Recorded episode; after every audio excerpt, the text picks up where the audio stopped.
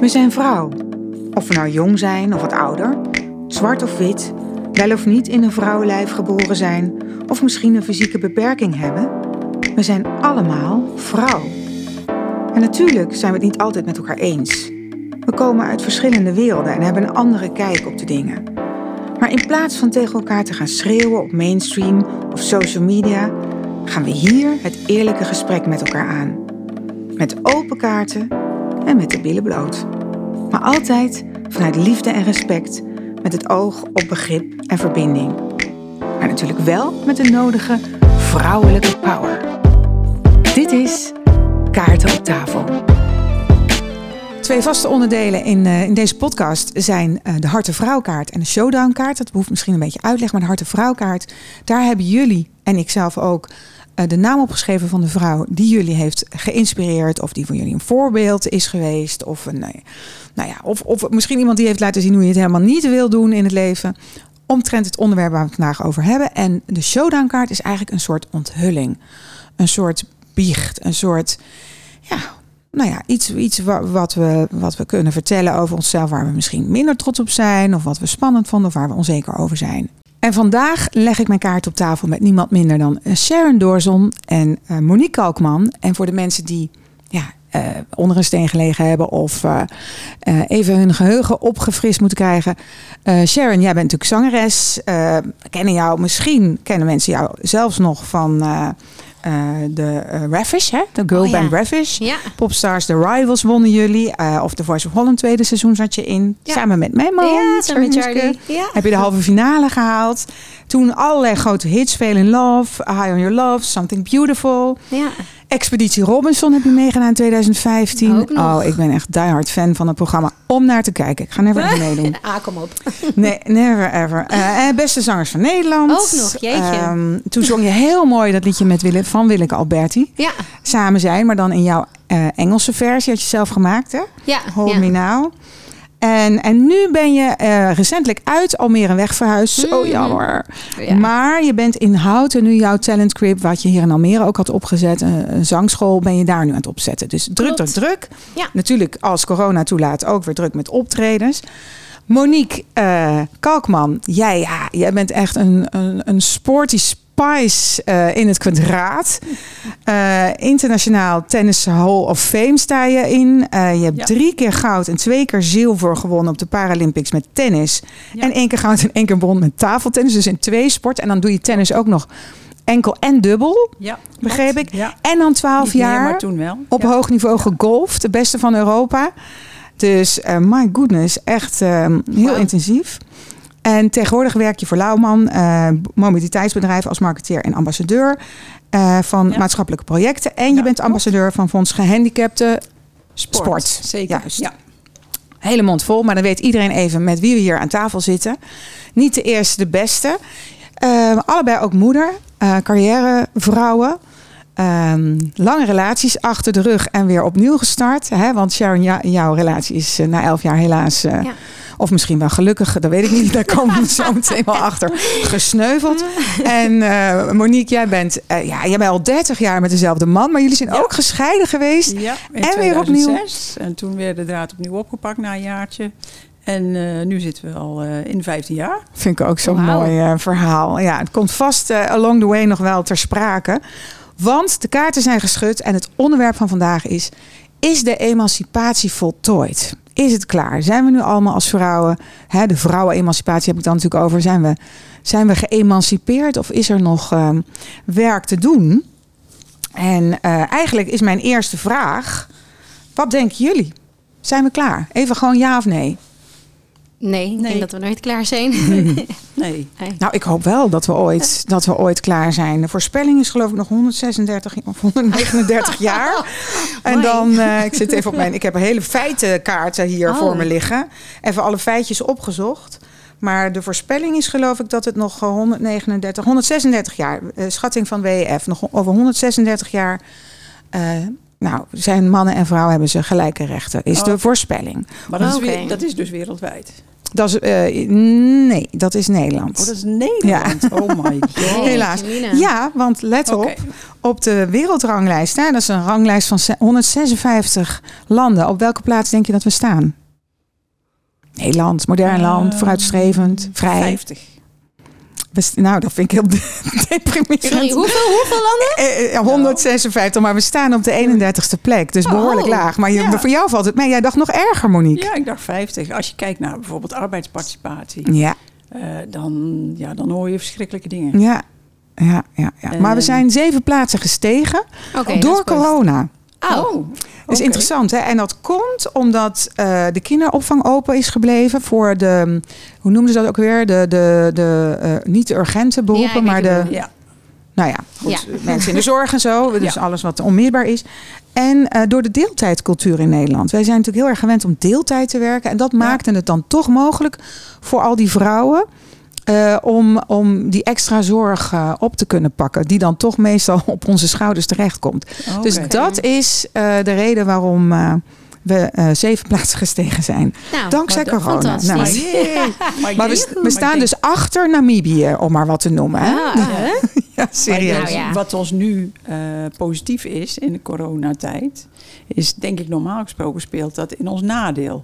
Met arbeidsparticipatie, die deeltijdcultuur. Ja. En dat met name over de vrouw gedacht wordt, dat die altijd de deeltijdbaan moeten hebben. Ja. En ik weet nog goed, toen, eh, ja, dus inmiddels al wel twintig jaar geleden. En dat was overigens in het buitenland. Ik werkte in Engeland. En toen was ik zwanger. En ik kwam terug van mijn, eh, mijn zwangerschapsverlof. En toen was mijn baan vergeven aan een man. Wauw. Jeetje. Omdat ze zeiden Ja. van, maar jij wilt toch niet fulltime blijven werken als je terugkomt van je zwangerschap? Ik zeg, hoezo mag ik dat alsjeblieft zelf bepalen Ja. en niet het bedrijf? Ja. En er is nu overigens eh, sinds niet heel lang een nieuwe wet. Eh 1 juli 2020, eh, om precies te zijn, dat partners, eh, dus echtgenoten, eh, zes weken eh, Ja. Verlof krijgen in plaats van twee dagen wat het was. Mm.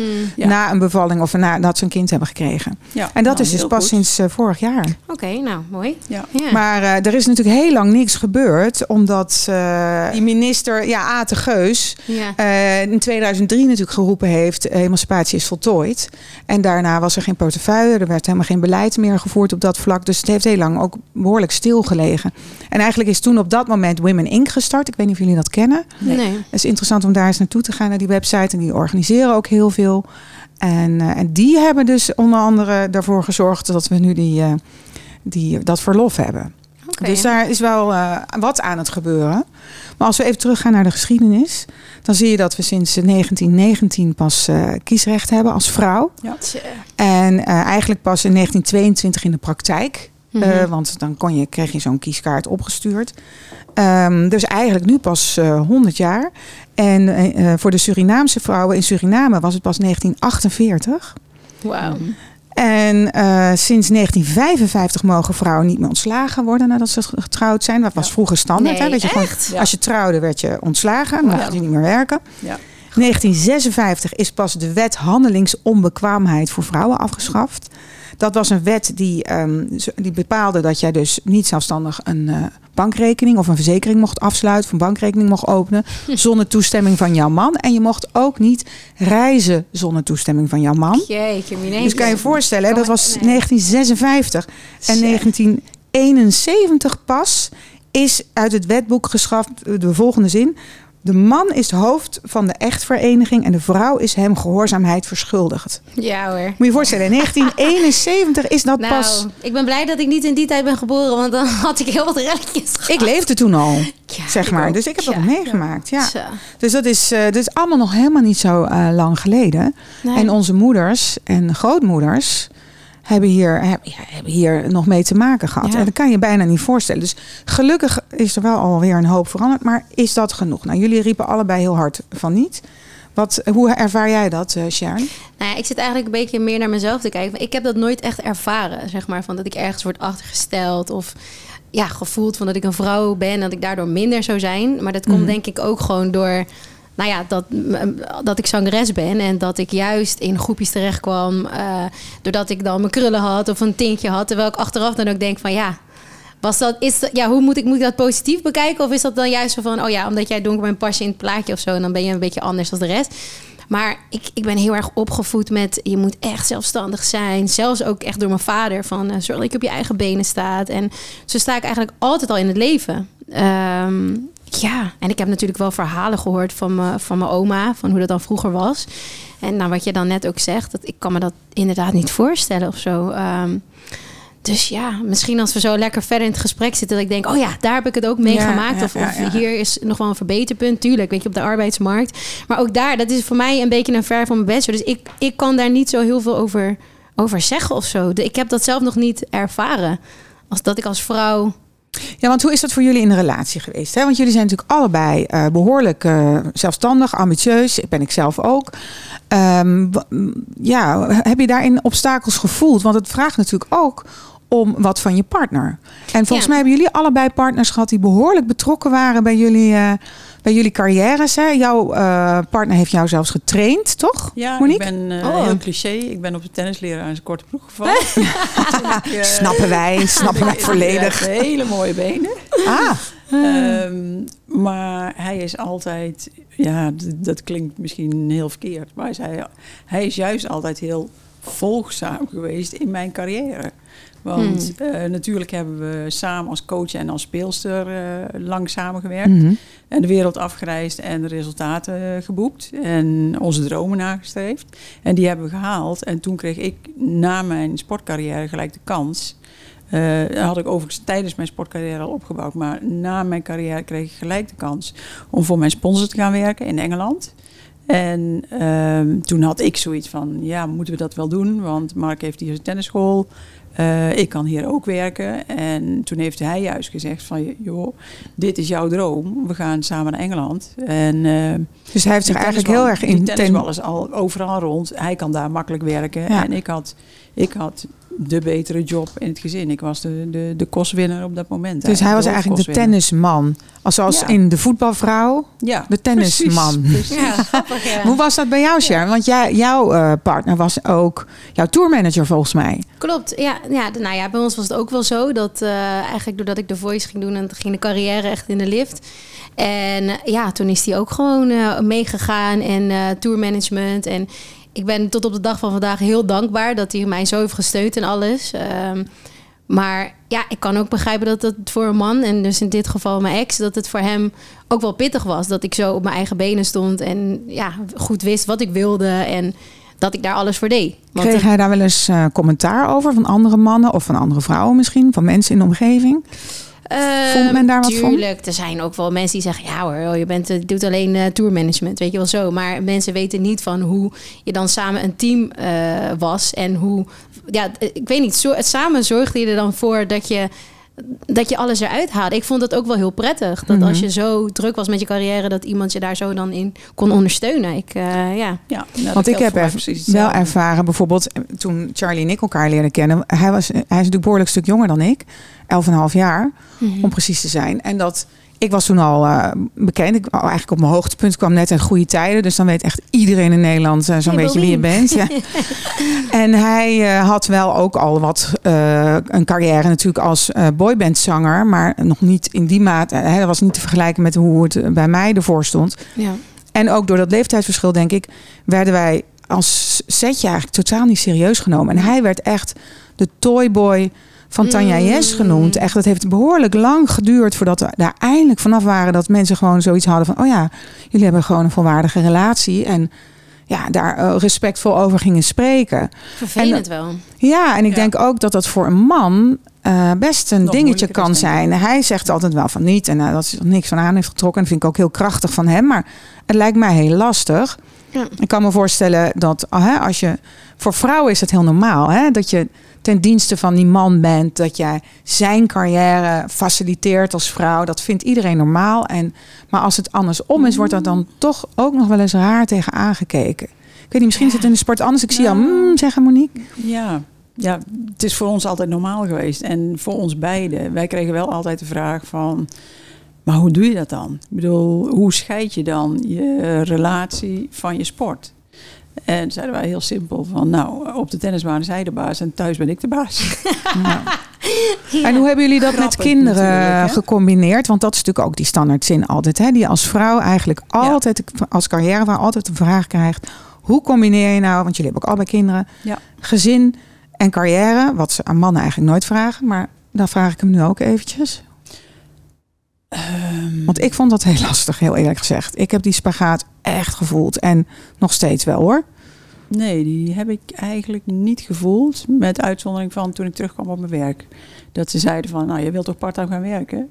En toen heb ik dat wel gelijk de kop ingedrukt. En ik zeg van, nou, volgens mij is er maar één die dat bepaalt. En dat ben ik.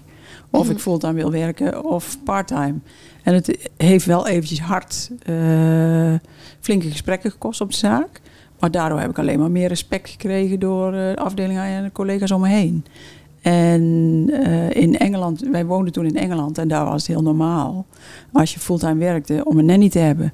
Ja. En dat was ideaal. En ik heb ook altijd gezegd, ik wil niet nu minder werken en dan later weer moeten opbouwen. Want Mhm. dan ben je gewoon een hap uit je carrière kwijt. Ja, dat is natuurlijk wat veel juist- gebeurt. Ja. Ja, ik wil het juist andersom doen. Ehm, die nanny en goede opvang en natuurlijk op tijd er zijn eh, om die binding en die band met je kind op te bouwen. Maar juist naarmate mijn kind ouder wordt en die meer nodig heeft met huiswerk, met, met andere dingen, dat ik Mm. dan ook meer afbouw. Dat is wel slim inderdaad. Want ik heb nu ook puberkinderen. En Mhm. ik vind dat ook de meest in, in, in- ja, hoe noem je dat? De meest intensieve periode, gek Ja. genoeg. Ik had dat nooit verwacht. Ja.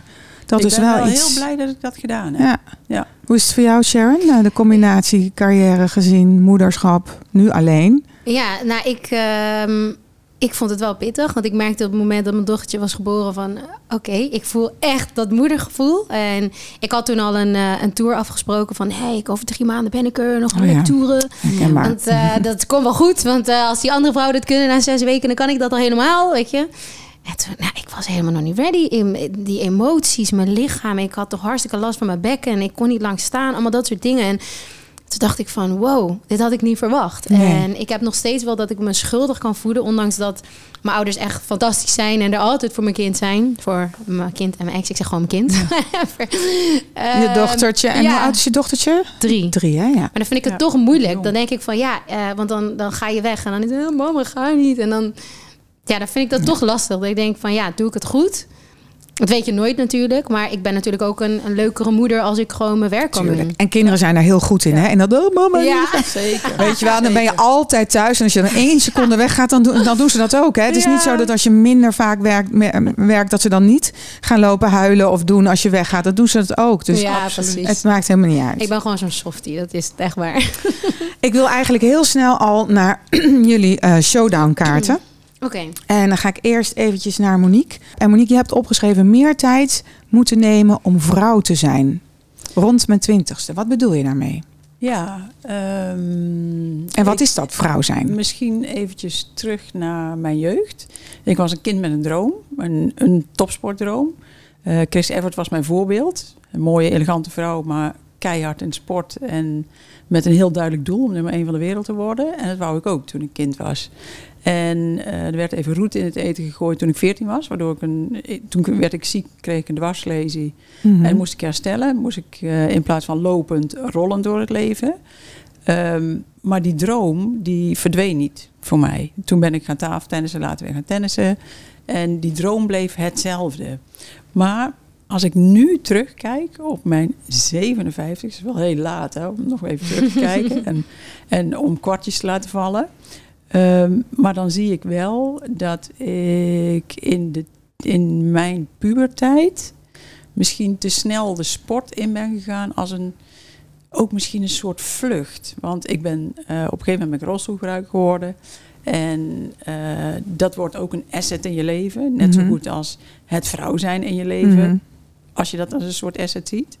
Ehm, en, en dat was misschien wel een, ehm, een, een onbewuste. Het was geen, zeker geen bewuste, maar een onbewuste keuze.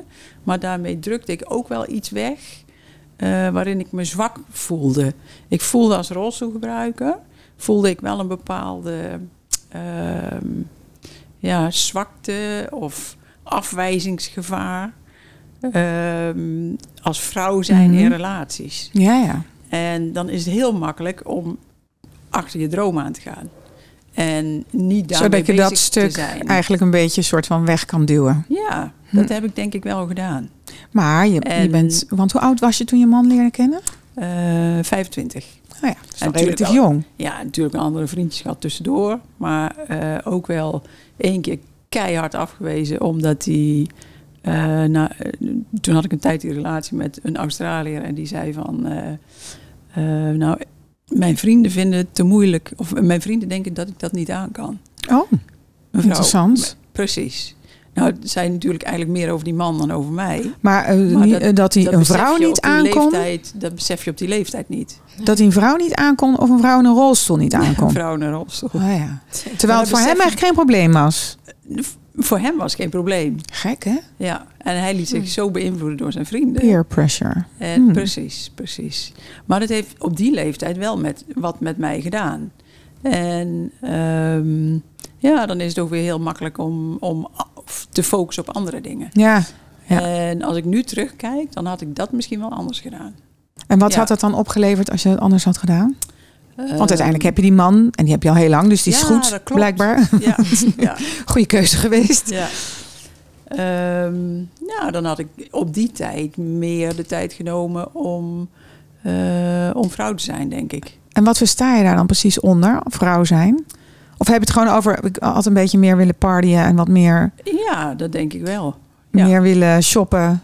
Nou, de, eh, dat- markt dat heb, dat, dat heb ik wel genoeg gedaan, denk ik. Maar gewoon in je, in je uiterlijk, in je innerlijk. ehm, ehm, meer vriendinnen hebben. Ik had in die tijd, als je voor je sportdoel gaat, dan dat is best wel een eenzaam bestaan. Hm, ja, ja, ja. ja, ja. En eh, met een groep vriendinnen eh, uitgaan. gewoon En- leven. precies, precies. Dat heb ik in die tijd niet gedaan. Nee. En dat ben ik nu heel erg aan het inhalen. Ah, Party, woe! kunnen we wel een feestje gaan bouwen met jou? Yes, zeker. Let's go. zeker.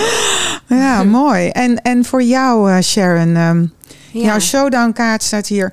Ondanks dat ik in de basis goed weet wat ik wil, heb ik altijd keuzestress. Keuzes vind ik super moeilijk. Ja. Ja, ik vind, ja, ik vind het eh, keuzes. eh, ik weet meestal wel, als ik bijvoorbeeld ook qua werk een opdracht krijg, dan weet ik meteen wel van, oké, dit voelt wel of niet goed. En dan ga ik toch, moet ik iedereen, of tenminste mijn vader bellen en eh, moet ik helemaal nadenken van, is dit het? Nou ja, natuurlijk ook met mijn met mijn ex vond ik het ook heel lastig om uiteindelijk een keuze dan te maken van, het is afgelopen. Ehm, ja, ik vind het ook altijd lastig om erover te praten hoor. Ook al is het al iets van tien maanden geleden, dan denk ik. eh, Tuurlijk, jullie zijn elf jaar samen ja, geweest, dat is ja. heel normaal. Ja. Maar heb je dan het gevoel dat het dan met name de mannen zijn waar je dan advies van wil? Dat dat toch die mannelijke energie of Hmm. daadkracht, dat dat iets is wat je, wat je nee, dan... het, het is voor mij meer mijn vader die super belangrijk voor mij is. Eh, omdat ik echt super. Ja, ik kan altijd alle gesprekken met hem aan. Ook hetzelfde van. ehm, ik heb ook heel veel met hem gesproken. Ook met mijn moeder natuurlijk. Maar eh, ja, over hoe je dat dan allemaal aan gaat pakken als je echt een relatie van 11 jaar dan beëindigt. Ook al zijn mijn ouders 40 jaar getrouwd. Maar Ja. ja. ja, ik weet niet of dat dan die mannelijke. Nee, daar, daar, daar denk ik. Ik kan gewoon heel goed met hem praten over alles. Ja, maar Ja. je vond het wel lastig dus om die relatie te beëindigen, omdat je bang was dat je het niet in je eentje zou kunnen. Ja, ja, zeker. Dus aan de andere kant sta ik er heel erg voor van... ja, ik, ben, eh, ik, ik kan het allemaal alleen als vrouw... en zo ben ik opgevoed en dat kan ik. Maar dan toch, als je dan ja, moeder bent... en ja, je hebt in, in, je- in je hoofd natuurlijk van... ik wil een gezin. eh, eh, ja, je verwacht dat niet. Als je samen dan ervoor kiest om een kind te krijgen... dan ga je niet bedenken dat het dan zo snel al voorbij is. Dus Mhm. Dat vond ik wel heel moeilijk. Ook omdat ik wist van oké, als dit allemaal, als ik hiermee echt ga stoppen, dan moet ik ook echt Hm. opnieuw beginnen. Het was corona, de hele rare periode, ja. Dus eh, toen ben ik ook verhuisd. En eh, nou ja, hij woont nu helemaal in Rotterdam, eh, of in Schiedam. Ja, ik vond het moeilijk. Ik wilde mijn, dochter gewoon een, een steady gezin bieden. Maar dan moet je toch op een gegeven moment als vrouw voor jezelf kiezen. En het juiste voorbeeld ook aan je dochter willen laten zien. Ja. Zo van, hey, ook al is het moeilijk, ga ervoor, weet je. Ga voor je eigen geluk. We bouwen het wel weer opnieuw op. Klaar. Ja. Ja. Stoer, moedig besluit. thanks. Ik ben eigenlijk wel benieuwd, want mijn eigen eh showdown kaart. ehm, of jullie daar iets in herkennen. Hmm. Want ik heb dus wat ik dus gedaan heb toen de kinderen klein was. Ik had een oppasmoeder. Hmm. En dat, die had ik niet op vaste dagen, want alles is bij ons natuurlijk altijd onregelmatig. Dus die moest ik dan bellen van, eh, kan je vandaag eh, oppassen op de kinderen? Maar dan had ik bijvoorbeeld ook wel eens dat ik gewoon zin had om met een vriendin te gaan lunchen. ja. Maar dat durfde ik dan niet tegen die oppasmoeder te zeggen. Dus dan ging ik smoesjes aan haar vertellen. Zei, ja, ik heb een hele belangrijke meeting vanmiddag. Eh, kan jij, kunnen de kinderen even bij jou? En dan denk ik bij mezelf, hoe ongeëmancipeerd is dat? Own dat gewoon. Zeg gewoon, ik ga Ja. leuk met een vriendin eh, borrelen. Kan je even Ja. oppassen? Maar ik voelde dat dan, het voelde voor mij niet als een legitieme reden. En dat Ja. ik dan een slechte vrouw ben of een slechte moeder ben. Dat ik dan mijn kinderen bij een ander dump, hè, quote unquote. Om eh, lekker met mijn vriendin te gaan zitten suipen op het terras. Terwijl, en, en had ik een vriendin, en ik heb dat al eens eerder genoemd in een podcast. Zij is daarin veel verder dan ik. Die zei gewoon: Tan, die moet je niet schuldig voelen. Dus creatieve ruimte creëren. Niks Ja. doen, gewoon even ontspannen. Is creatieve ruimte creëren in je hoofd. En die heb je nodig, want je hebt een creatief beroep. Ja. Dus die hield ik, wel- eh, die heb ik er altijd bijgehouden. Ik, oh ja, creatieve ruimte. Ja, ik mag dit gewoon van mezelf. Goed. Maar dat gekke, rare gevoel ook dat ik me, pardon, altijd verantwoordelijk voel voor hoe netjes het huis is. Dat als er Mm, onverwachts zeker. mensen komen Oh. en het is een zooitje, dat ik me schuldig voel. Terwijl mijn man heeft er helemaal geen last van, hè? Ik denk, ja, eh, Ja. hoezo, wat dan? ja. En En- ik denk toch dat mensen mij daarop aankijken. ja. En dat ze toch denken, ja, dat is toch een, oh, nou, zo'n slechte huisvrouw zeg. Wat is een zooitje daar in huis. En dat niemand hem daarop aankijkt. Ik weet niet of dat terecht is. Maar herkennen jullie dit? Absoluut. Ja? Absoluut. En dat is bij ons ook wel eh, in 2006 bijvoorbeeld de reden geweest waarom ik zei van, eh, nou nu eventjes niet meer. Ehm, nou, in eerste instantie zei ik natuurlijk helemaal niet meer. Want ik was altijd degene die die verantwoordelijkheid voor, wat mij betreft, voor ons gezinnetje nam. Mhm. En ook terecht, hè? Of oh, oh, sorry, onterecht. Want ik wou alles perfectionistisch hebben. Mm. En hij vond het wel goed. Ik dacht dat ik erop aangekeken werd. Maar het is helemaal niet zo. Dat is gewoon je eigen Dat zit overtuiging. in ons hoofd, hè? Want dat Ja, is natuurlijk je ook. eigen overtuiging. Kijk, soms, ik denk dat het, dat het misschien wel ook wel gebeurt. Hè? Dat mensen toch eh, vaak denken van. Oh, dat- die heeft er ook een rommeltje van gemaakt bij haar thuis. Mm. En dat ze dat niet bij hem denken. Maar dat je dat alleen maar kan doorbreken door zelf te stoppen daarin Ja. mee te gaan. Ja. Dus dat je dan. En, en er zijn misschien ook mensen die dat helemaal niet zo zien. Maar ik weet wel. Maar dat, eh, heb- dat hebben wij wel geleerd. Want wij hebben in die tijd heel veel gesprekken gehad daarover. En we hebben allebei water bij de wijn gedaan. En dat, is, dat gedeelte is veel beter geworden. ja. Nou ja, en goede afspraken maken. En een volle wasmand. Nou, dat mag tegenwoordig. Nou ja, maar het is wel belangrijk denk ik dat je ook een partner hebt die daar redelijk in is. Ik denk als Ja. er zijn toch nog steeds ook nu en daar schrik je soms wel eens van. Toch als je kijkt naar de rolverdeling in Nederland, hè, dat de zorgtaken toch grotendeels op de schouders van de vrouw terechtkomen. Ook weer de mantelzorg. Mhm. Ehm, ondanks dat ze ook weer werken. En toch de meeste vrouwen dan parttime gaan werken, terwijl die man dan fulltime blijft werken. Dus dat is een vrij hardnekkig dingetje. Dat we toch het gevoel hebben dat die zorgtaken, dat die. Ik bedoel, ik heb echt meegemaakt dat, dat de peuterleidster, en dat verhaal heb ik ook al eens eerder verteld, dat hij tegen mijn man zei van, oh wil je tegen Tanja zeggen, hij haalde ons kind op, en wil je tegen Tanja zeggen dat ze volgende keer een handdoekje in de tas doet? Dat hij zegt, hoezo moet dat tegen Tanja Ja. zeggen? Nou ja, dat zij dat handdoekje erin. Hij zegt, ik heb die tas ingepakt. Weet je wel, dat er toch van uitgegaan wordt. Of dat je bij een consultatiebureau komt en dat alleen maar jij aangekeken wordt en je man wordt genegeerd. Ja. Ik bedoel, er zijn zoveel signalen. eh, en ook in de beeldvorming. En daar wordt natuurlijk nu wel, denk ik, aan gewerkt. Om in commercials niet iedere keer weer alleen maar dat stereotype beeld te laten zien. Van die rolverdeling, eh, vrouw in de keuken. Maar het is, Ja. als je goed kijkt, toch nog wel. Toch wel zo. Ja, Maar mag veel. ik even terugkomen op mijn kaart nog? Want jij Ja, van, wat ja, is dat natuurlijk. vrouw zijn dan voor je? Ja? Ehm, ik dacht dat ik als sporter altijd gewoon keihard moest zijn en mijn doelen na moest streven. En dat ik mijn kwetsbaarheid niet mocht tonen.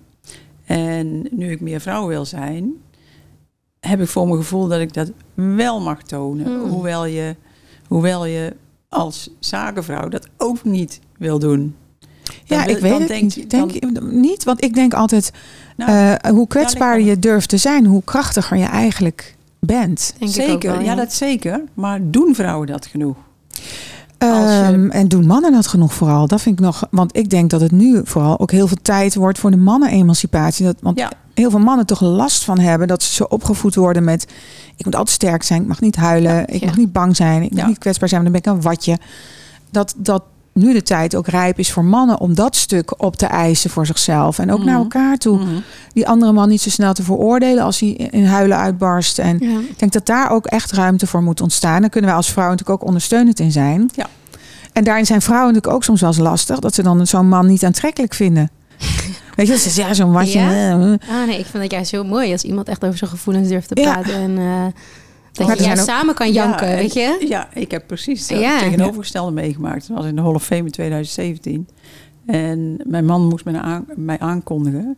En hij had een speech waarin hij flinke tranen liet. Nou, mooi. En eh, ik heb nog nooit zoveel vrouwen gehad die naar mij toe kwamen en die zeiden van... Oh, I want a husband like that. Ja, precies. Ja, ja, ja, ja. Dus wellicht. Ja. Nee, dus daar is, daar is natuurlijk een ontwikkeling gaande die heel tof is. En, en dat we nu ook een man met een stofzuiger aan. Want ik heb echt wel vrouwen wel eens horen zeggen: Nou, mijn man hoeft niet te stofzuigen hoor. Met zo'n soort van rare trots. Of Ja. eh, nee, nou, dat vind ik geen echte vent hoor. Zo'n man die de Nou. hele dag, eh, zo'n huisman. Nee, gadverdamme.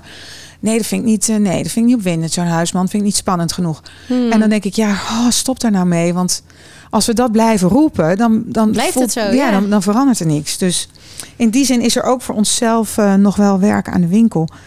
Ik wil ook even naar de hartenvrouwen. Want daar hebben jullie ook een aantal opgenoemd. Sharon, jij hebt genoemd jouw ehm, moeder. hè? Mhm. Even kijken hoor, waar heb ik je? Hier. Je moeder, maar ook gewoon jezelf als je in de spiegel kijkt. Vond ik ook Ja. mooi. Ligt dus toe? Ja, nou ja, ehm, heel vaak ga je gewoon maar door met alles in het leven. En ik heb op momenten dat ik het lastig vind of dat ik het even moeilijk heb, dan ga ik gewoon echt in de spiegel kijken. En dan komen de tranen meestal. En dan denk ik van, maar Cher, wat wil je nou? Of, of waarom voel je zo? En dan komt pas echt die bezinning van, ik voel me zo door dit of dat. Dus Mhm. meestal heb ik altijd het antwoord wel op, op de dingen waarom ik niet lekker in mijn vel zit of, of wat er dan aan de hand is. Dus dan ben ik het zelf. Ik kan mezelf ook weer motiveren om ergens uit te halen. Mhm. Ehm, ja, en mijn moeder, omdat ze natuurlijk mijn hele leven er voor me is. En nog En steeds. is je moeder een geëmancipeerde vrouw? Hmm, nou, zij, zij vindt het best wel spannend om. eh eh nou, zij geen, nou ja, bij, ons, bij, bij ons thuis is het wel meer dat mijn vader dan. eh, ja, echt de man is thuis, dat wel. Traditionele Ja, rollenpatroon. meer tradi- ja, dat is het meer. En dat ze ook niet zo heel snel iets. Ja, nou, ze, ze werkt al honderd jaar bij dezelfde baas en dat vindt ze allemaal prima. Oh, maar ze Dus- heeft wel een baan, dus niet ja, ja, zeker, zeker. Dus wat dat betreft is ze wel geëmancipeerd, Ja, ja. ja. Dus, dus eh, ze, ze verdient gewoon lekker ook zelf. Maar gewoon traditioneel. Traditioneel, ja. En bij jou, Monique, eh, jouw harte vrouw is de Big Nine in tennis. Ja, Leg en dat zijn natuurlijk negen vrouwen onder leiding van Billie Jean King. Een eh, voorvechter voor inclusie in bredere zin. Maar het is bij haar eigenlijk begonnen voor gelijkheid in sport. En met mijn sportachtergrond vind ik dit wel een heel mooi voorbeeld. Het was toen in tennis waar een ontzettende ongelijkheid was in eh, sportparticipatie, maar ook prijsgeldverdeling. ehm, eh, de, de organisaties achter de tennisters waren ook heel ongelijk. ATP, WTA waren heel ongelijk in de wereld. En die negen vrouwen zijn opgestaan met het risico hun baan te verliezen. Want het was hun professionele baan. Die ze, eh, waarvoor ze nauwelijks betaald kregen. En zij zijn in staking gegaan. En hebben gezegd van, nu wordt het gelijk of niks. Ja. En dat is eh, de Moedig. basis geweest voor het hedendaagse tennis. Waarbij er gewoon 50-50 sportdeelname is en 50-50 prijzengeldverdeling.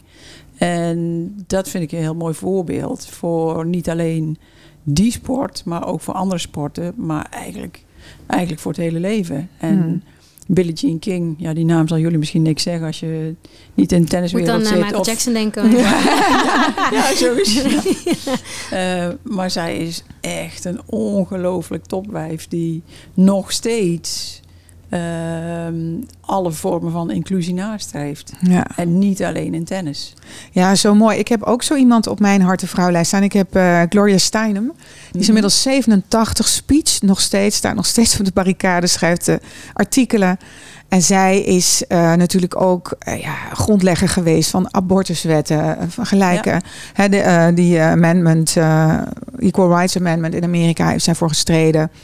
Die vrouwen en ook die eh, vrouw die jij net noemde, dat zijn natuurlijk degenen die de, de weg vrij hebben gebaand voor iedereen die daarna kwam. Kijk, vroeger hadden we natuurlijk voor het kiesrecht Aletta Jacobs, die daarin enorm gestreden heeft. Maar het zijn allemaal Ja. vrouwen die enorme nek hebben uitgestoken. Met alle risico's van dien. Hè? Want wat je ook zegt, je riskeert je baan, je riskeert je aanzien, alles. En ehm, ja, dat is een vrij pittige strijd die deze vrouwen hebben geleverd. En ik wilde jullie ook een kijktip geven. Ook iedereen die nu luistert, eh, luistert of kijkt. Want er is een hele toffe eh, miniserie gemaakt. eh, waar ook eh, Gloria Steinem in voorkomt. En dat is Miss, Miss America heet die serie. Mm. Zij heeft namelijk ook het magazine Miss America opgestart. Mede opgestart. Wat het eerste feministische tijdschrift was. Ook gerund. Überhaupt het eerste tijdschrift gerund door vrouwen. Want al die vrouwenbladen werden eigenlijk gerund door mannen. En, en dan is er nog de serie, of de film The Gloria's. Mm. En die gaat echt over haar leven, is gebaseerd op haar eh, biografie. Er speelt Julianne Moore, speelt haar onder andere. Of er zijn eigenlijk vier act- actrices die haar spelen in verschillende leeftijden. Alicia Vikander speelt er ook. En eh, die is te zien op, eh, wat was het nou, Pathé Thuis? Kan je die geloof ik kijken? En die andere serie op Disney Channel. Dus als jullie dat toevallig hebben. Ja. Als iemand het wil weten. Als je echt meer wil weten over haar en haar leven. En wat ze allemaal gedaan heeft voor ons allemaal. Dan is dat echt, echt de moeite waard. En ze leeft dus nog steeds. Ze is nu 87. Ziet er ook nog fantastisch uit. Is nog vlijmscherp. En eh, heeft dus eh, na de inauguratie van Trump, die grote demonstratie die er was, daar heeft zij ook nog gespeecht. Wauw. Ja, een fantastische, fantastische, inspirerende vrouw. Eh, zijn we alweer bijna aan het einde beland. Gaat veel te snel natuurlijk. En ik ben eigenlijk ook wel heel benieuwd, hè, als we nou conclusie trekken. Want er is nog een heleboel te doen. Hè. In de zorg is ongelijkheid wat betreft vrouwen. Hè. Eh, onderzoek, eh, medisch onderzoek wordt, ja, proefdieren zijn 9%, 9% maar vrouw. Om maar wat te noemen, hè. vrouwen hebben veel bij- meer bijverschijnselen op medicatie. Hart- en vaatziekten moet nog heel veel onderzocht worden. Overgang is ook zo'n thema waar Mm. veel te weinig informatie over is. In de politiek 39% van de vrouwen in de Tweede Kamer. Nog nooit een vrouwelijke eh, president gehad in Nederland. In de media 28% eh, van de vrouwen, eh, van de mensen in het nieuws is maar vrouw. Hè, dus er wordt heel veel. Dus mannen spreken, over vrouwen wordt gesproken, zeggen ze dan wel eens. In films is nou 39% van hoofdrollen is maar vrouw. Dus er is nog heel veel wat dat betreft werk te doen. We hebben te maken met een loonkloof nog steeds. Eh, maar op persoonlijk vlak, als je nou voor jezelf kijkt van, nou ja, wat heb ik nou gemist of wat heb ik nou nodig gehad of heb ik nog steeds nodig wat, er, wat ik niet krijg of eh, welke obstakels voel ik in mijn leven om gewoon als vrouw me op dezelfde manier te kunnen ontwikkelen of ontplooien zoals mannen dat ook kunnen. Waar denk je dan aan? Ik, eh, ik moet even nadenken hoor. Ik ook. Misschien heb ik niks. Schiet je niks binnen? Nou, en voor mij persoonlijk in ieder geval, wat ik heel erg moeilijk vond, was die kinderopvang. Mhm. Ah, Zeker als je Ah. onregelmatig werkt. Niet flexibel, niet goed genoeg. Weet je wel, dat je dan een hele zaal, eh, een kamer vol met baby's had. En dan twee mensen die daar dan op moesten passen. Dat ik dacht, ja, maar mijn baby ligt hier straks een half uur te Ja, huilen voordat zo. iemand komt. Ja. Dus de kwaliteit van de opvang, de, de kosten behoorlijk hoog. Maar dat kan Charlie ook oplossen. hè? Nou ja, het was heel jou. lastig, omdat eh, hij natuurlijk ook onregelmatig werkte, net als Ja. ik. Ja. Dus dat was voor ons enorm moeilijk te regelen. ja. En ehm, dus ik had niet een man die zo, zo supportive kon zijn. En ik Mhm. ook dus in die mate niet voor hem. Mhm. Omdat we allebei ambities hadden. Mhm. Dus dat is ook nog best wel heel ingewikkeld. En ik vond ook in Nederland wordt toch nog een beetje raar aangekeken als je als vrouw ehm, fulltime wil werken. Ja. En, en daarin zou ik wel ook behoefte hebben aan een soort van culturele ehm, verandering. In dat dat ideaalbeeld van die perfecte moeder gewoon eens even keer bijgeschaafd wordt. Dat ben ik helemaal met je eens. Want Ja. het is toch nog heel erg van ja, Ja. die vrouw die thuis eh, zit met een schort en wacht op de kinderen die uit school komen met, met warme broodjes. Ja. En het ruikt naar appeltaart, vers gebakken zelf natuurlijk. Ja. En we moeten ook allemaal. Mm. Of als Al je niet dat half uurtje bij school staat aan het schoolplein omdat je snel naar je werk wil, dan eh, Word je toch scheef aangekeken? aangekeken. Ja. ja, ja, die Dus daar is zou voor ik. mij alweer even geleden, maar dat is wel, dat zijn de momenten wel waarop je het voelt, dat je denkt van, Ja. oh, Maar ook in de anticonceptie, daar Ja. begint het toch eigenlijk al. Ik bedoel, als, als, eh, als het gaat om eh, eh, ja, geen kinderen willen krijgen, hè, dan, dan ligt die verantwoordelijkheid volledig Altijd bij de, bij de vrouw. meiden. Ja. Weet je wel, die moeten dan maar de pil slikken. Er is al lang een mannenpil op de markt. Maar ja, dat, eh, dat durven wij natuurlijk ook niet aan. Want Nee, denk, ja, vergeet dadelijk neemt hij die pil niet. Want ik ben straks zwanger, niet hij, weet je wel. Ja. en wat ik ook wel eens scheve vind, is dat we nu natuurlijk eh, partneralimentatie eigenlijk bijna afgeschaft wordt. Hè? Dus je moet geloof ik nog maar vijf jaar partneralimentatie betalen. En dan denk ik, oeh, in deze tijd waarin dat toch nog, ik vind het iets te vroeg. Ik heb me ook bijvoorbeeld gestoord aan het feit dat er nu de, eh, de Maar dat werkt toch twee kanten op. Degene die het meeste verdient, betaalt Ja, maar dat is alimentatie. 9 van 10 keer toch nog steeds de man. Ja. En die hoeft dus maar vijf jaar te betalen. Dus jij hebt jezelf Ja. opgeofferd in die zin. Hè? Even tussen aanhalingstekens, je hebt je kinderen gepaard, gekregen, Mhm. verzorgd. Mhm. Je hebt zo'n gat op je cv. En dan eh, wil Ja, je weer i- herintreden, is heel lastig. Maar, Mhm. hè. Want de meeste vrouwen hebben dat niet gedaan of kunnen doen wat wij gedaan hebben. Nou, dan wil je herintreden. Nou, dan krijg je alleen maar klote baantjes. En dan zegt die man, eh, oh sorry, ik heb er geen zin meer in. Of je hebt er zelf geen zin meer in. En dan zit je met een probleem. Want hoe ga je dan Ja. je brood verdienen? Ja, dan kan je drie ogen achter op een fletje gaan zitten... terwijl hij heeft leuk een carrière kunnen opbouwen. Ja. Dat is dus Nou ja, scheef. dan, dan gaat het juist, denk ik, om dat faciliteren. eh, dat je die scheefstand niet krijgt, om dat te voorkomen. Maar dat ligt denk ik ook bij de verantwoordelijk, eh, ligt ook de, aan de verantwoordelijkheid van de vrouw. Ja. Dat je dat niet laat gebeuren bij die geboorte. Maar dat begint volgens mij echt bij beeldvorming, opvoeding. Want hoeveel vrouwen ik gesproken heb die bijvoorbeeld ook zo afhankelijk waren van hun man op het schoolplein. Hè? Zeker, Bijna alleen maar vrouwen. Zeker. Die ofwel niet werkten, ofwel parttime, of in het bedrijf van een man ergens een baantje hadden. En dat ik dacht, ja, maar wat is Ja. je relatiestuk loopt? Nou, vond het echt belachelijk dat ik dat zei. Want Ja. eh, daar ga je toch niet van uit als je samen bent. Ik zei, nee, daar ga je niet van uit. Nee, maar dat het is kan- wat ik Ja. maar het gebeurt. eigen- 50% loopt op de klippen. Dat, Ja. dat is wat ik bedoel Ja. met die eigen verantwoordelijkheid nemen. Laat, probeer dat niet te laten gebeuren. En ik mis die Blijf campagnes. altijd- Want vroeger had je een slimme meid is op haar toekomst voorbereid. Ja. In mijn tijd toen ik op school. Maar daar hoor je nu helemaal niks meer op. Er wordt geen beleid meer opgevoerd. Ik Ja. denk, dit is toch heel belangrijk. Je hebt een dochter. Eh, om dat on- en ook die jongens mee te geven van die gelijkheid gelukkig. Mijn kinderen die vinden het heel gek om te horen dat vrouwen vroeger niet mochten stemmen. Of dat er een soort gewoon, huh? Oh, en, dan, en die vrouwen mochten niet studeren en die mannen wel. Maar waarom dan? Kunnen zich helemaal niks meer voorstellen. Dus ik denk, Ja. Oh, gelukkig. Er is zo, wel ja. iets aan het veranderen. Maar ik denk dat daar, en zeker in Nederland lopen we daar nog een beetje mee achter. Hè? Dat toch dat beeld van die perfecte moeder en die perfecte echtgenote.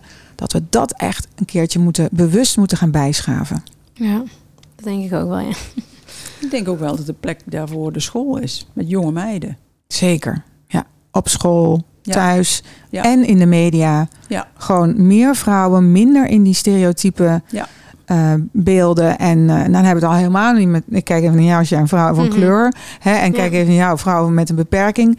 Eh, die, dat wordt ook altijd maar als een probleem gezien. In plaats van hè, dat Ja, je laat op je een dat eh, niet opleggen. op Laat een dat, onproblematische wijze in beeld komt. En dat Ja. het niet eh, steeds gezien wordt als alleen maar een enorm obstakel. Waardoor jouw vriendje dacht, nou, of de vrienden van jouw vriendje dachten, ja, maar dat is veel te ingewikkeld.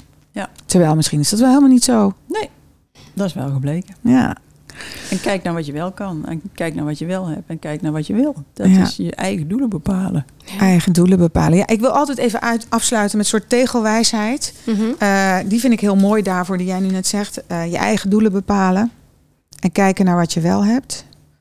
En ik denk ook kiezen. Durven kiezen voor jezelf. Gewoon Ja. Absoluut. opeisen. Gewoon zeggen, ik heb dit nodig, ik pak dit nu. Ja, want eh, Totaal. nog inderdaad even, kijk, ik ben dan nu eh, gewoon bij mijn dochtertje, maar dan, ik heb zoveel berichtjes gekregen van vrouwen die dan zeggen, oh, wat knap dat je dat hebt gedaan en ik zit in zo'n situatie, maar ik kan het gewoon niet. Dan denk ik echt van, ja, dit is voor mij juist alleen maar een teken van zorg dat je je als vrouw gewoon je eigen dingen, iets van jezelf hebt, weet je, Mhm. want je moet echt niet, hoe mooi je relatie ook kan zijn, het is het uiteindelijk het beste als je als individu gewoon heel sterk bent en dan kan je samen weer groeien naar iets moois. Maar ja, nee, ik. eh, Ja. En ik heb ook wel gemerkt dat als je, als je het gewoon eist, als in niet van eh, heel eh naar geest, maar Nee. gewoon om vraagt om de dingen die je nodig hebt, Ja. dat die partner 9 van 10 keer ook best wel bereid is om dat te geven. Ja. Hè? Dus dat, dat daar heel vaak best genoeg redelijkheid is. Er zijn natuurlijk situaties waarin dat anders is. Nou ja, dan denk ik bij mezelf weggewezen. Maar dat is misschien makkelijker gezegd dan gedaan. Maar eh, ja, vragen om wat je nodig hebt en het gewoon eh, en doen waar je behoefte aan hebt. Ja.